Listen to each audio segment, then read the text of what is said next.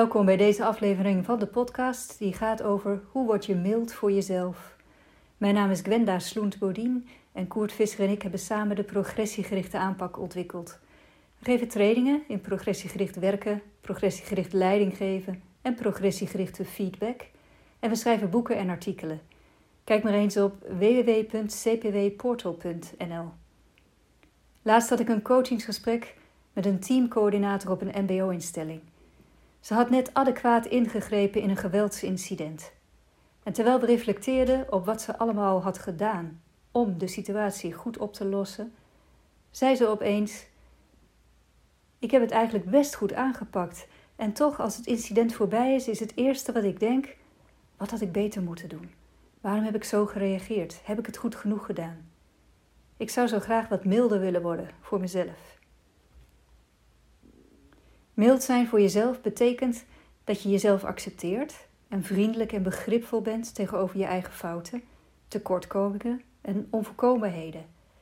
het is opvallend hoe vaak deelnemers in onze sessies en trainingen zeggen dat ze willen leren om milder te worden voor zichzelf. Waarom zou je dat willen leren? En vooral, hoe zou je dat voor elkaar kunnen krijgen? Ambitieus zijn en ernaar streven om de dingen zo goed mogelijk aan te pakken, dat heeft veel voordelen. Want daardoor word je daadwerkelijk beter en boek je progressie. Maar veel mensen zijn zelfkritisch. En ze hebben een zelfkritisch perfectionistische inslag. En uit longitudinaal onderzoek blijkt dat zelfkritisch perfectionisme samengaat met gecontroleerde motivatie voor persoonlijke doelen. Dat betekent dat mensen wel persoonlijke doelen kiezen, maar vervolgens zichzelf onder druk zetten om die doelen daadwerkelijk te moeten bereiken. En gecontroleerde motivatie gaat samen met een ervaring van druk. En ook met inwendig protest tijdens het doen van de activiteit. Zelfkritisch perfectionisme hangt samen met stagnatie ten aanzien van het realiseren van het doel, in plaats van met progressie. Want de neiging om hard te zijn voor jezelf gaat samen met de neiging om doelen te kiezen waar je toch niet echt zelf achter staat. Doelen die je ervaart als van buitenaf komend in plaats van van binnenuit. Mild zijn voor jezelf is geen teken van slapte of van zwakte, maar het helpt om dit soort negatieve effecten te voorkomen en het heeft ook specifieke voordelen. Want als je mild bent voor jezelf kun je gemakkelijker met stress en angst omgaan. Wanneer er iets gebeurt dat stress met zich meebrengt en je staat mild ten opzichte van jezelf, dan kun je op zoek gaan naar manieren om jezelf te kalmeren en gerust te stellen. Maar als je jezelf bekritiseert en inwendig jezelf op de kop zit, dan neemt je stress juist toe. Juist door jezelf niet te veroordelen, krijg je ruimte om te kijken naar hoe je je fouten kunt oplossen of de volgende keer kunt voorkomen. En juist als je mild bent voor jezelf, lukt het je om je oprecht te verontschuldigen voor de eventuele schade die je hebt berokkend aan anderen. En zo kun je je mislukkingen benutten als leermomenten, in plaats van ze te ervaren als ondermijning van je eigen waarde. Zo kun je jezelf helpen om te groeien en te ontwikkelen. En die milde houding ten opzichte van jezelf leidt dus ook nog eens tot betere relaties met de mensen om je heen. Want je bent een prettiger mens om mee om te gaan als je met begrip en empathie en misschien zelfs humor reageert op je eigen onvolkomenheden. Dus hoe word je mild voor jezelf? Er zijn een paar manieren die kunnen helpen om milder te worden voor jezelf. De eerste is ontwerp een implementatieintentie. Een implementatieintentie volgt een als-dan constructie. Bijvoorbeeld, als ik een fout maak, dan help ik mezelf te herinneren dat ik dit niet opzettelijk deed. Of als ik een fout maak, dan zeg ik tegen mezelf dat het me nog niet is gelukt.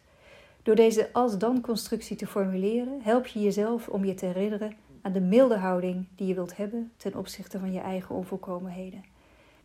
En op het moment dat je die mildheid nodig hebt, schiet je als-dan-constructie je automatisch weer te binnen. De tweede manier om milder te worden voor jezelf is om regelmatig te reflecteren op je progressie Hou bijvoorbeeld een progressiedagboek bij, waarin je regelmatig noteert welke kleine progressie je hebt geboekt in die afgelopen periode. En lees dat dagboek eens door op momenten dat het tegenzit. Zo help je jezelf om een realistischer beeld te krijgen van jezelf. Er gaan soms dingen mis, maar er gaan net zo goed allerlei dingen goed. En die dingen kun je lezen in je progressiedagboek. Ze vormen een tegenhanger tegen het waardeloze gevoel dat je kunt hebben als je een fout hebt gemaakt. De derde manier die kan helpen om milder te worden voor jezelf is waardeer je lichaam. Als je overmatig kritisch bent op je eigen lichaam, bedenk dan eens wat het lichaam allemaal doet waardoor je leeft. Te dikke benen, die brengen je wel overal waar je wilt zijn. Te grote oren, die helpen je wel om muziek te kunnen luisteren. Zorg goed voor je lichaam, dan komt je mentale veerkracht ook weer ten goede. En focus in plaats van op schoonheid, op gezondheid. Want focussen op gezondheid is een intrinsiek doel. En intrinsieke doelen nastreven gaat samen met vervulling van je psychologische basisbehoeften aan competentie, verbondenheid en autonomie. Terwijl het nastreven van schoonheid, mooier zijn dan iemand anders, samengaat met gecontroleerde motivatie. En er is immers altijd wel iemand mooier dan jij. De vierde manier waarop je jezelf kunt helpen om milder te worden voor jezelf, is om bewust te kiezen voor intrinsieke doelen. Bijvoorbeeld gezondheid. Er zijn vier intrinsieke doelen. Dat is investeren in je eigen groei, investeren in goede relaties met anderen, investeren in gezondheid dus, en investeren in je sociale omgeving. Als je er bewust voor kiest om een intrinsiek doel na te streven, gaat dat samen met vervulling van je psychologische basisbehoeften en dat gaat samen met een gezonde liefde voor jezelf. De vijfde manier waarop je jezelf kunt helpen om milder te worden voor jezelf, is om te reflecteren waar je beter in bent geworden. Denk bijvoorbeeld eens na over een activiteit waar je nu al aardig goed in presteert, terwijl je vroeger dacht dat je het niet zou kunnen leren. En denk dan eens na over hoe je die groei voor elkaar hebt gekregen. Waarschijnlijk kom je er in die reflectie achter dat je je niet uit het veld hebt laten slaan door tegenslagen en mislukkingen en dat je hebt geleerd van wat er misging. En door een dergelijke reflectie stimuleer je je eigen groeimindset. Want een groeimindset gaat samen met mildheid ten opzichte van je eigen falen. En een groeimindset gaat ook samen met de wetenschap dat beter worden ergens in altijd gepaard gaat met leren van je fouten.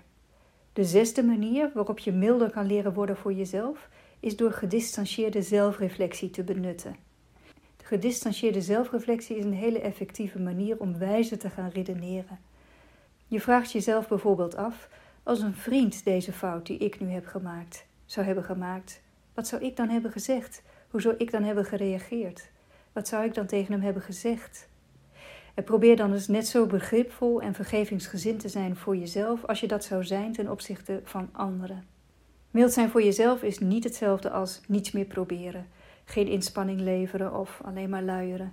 En het is niet hetzelfde als niet meer proberen om progressie te boeken of geen motivatie op te brengen.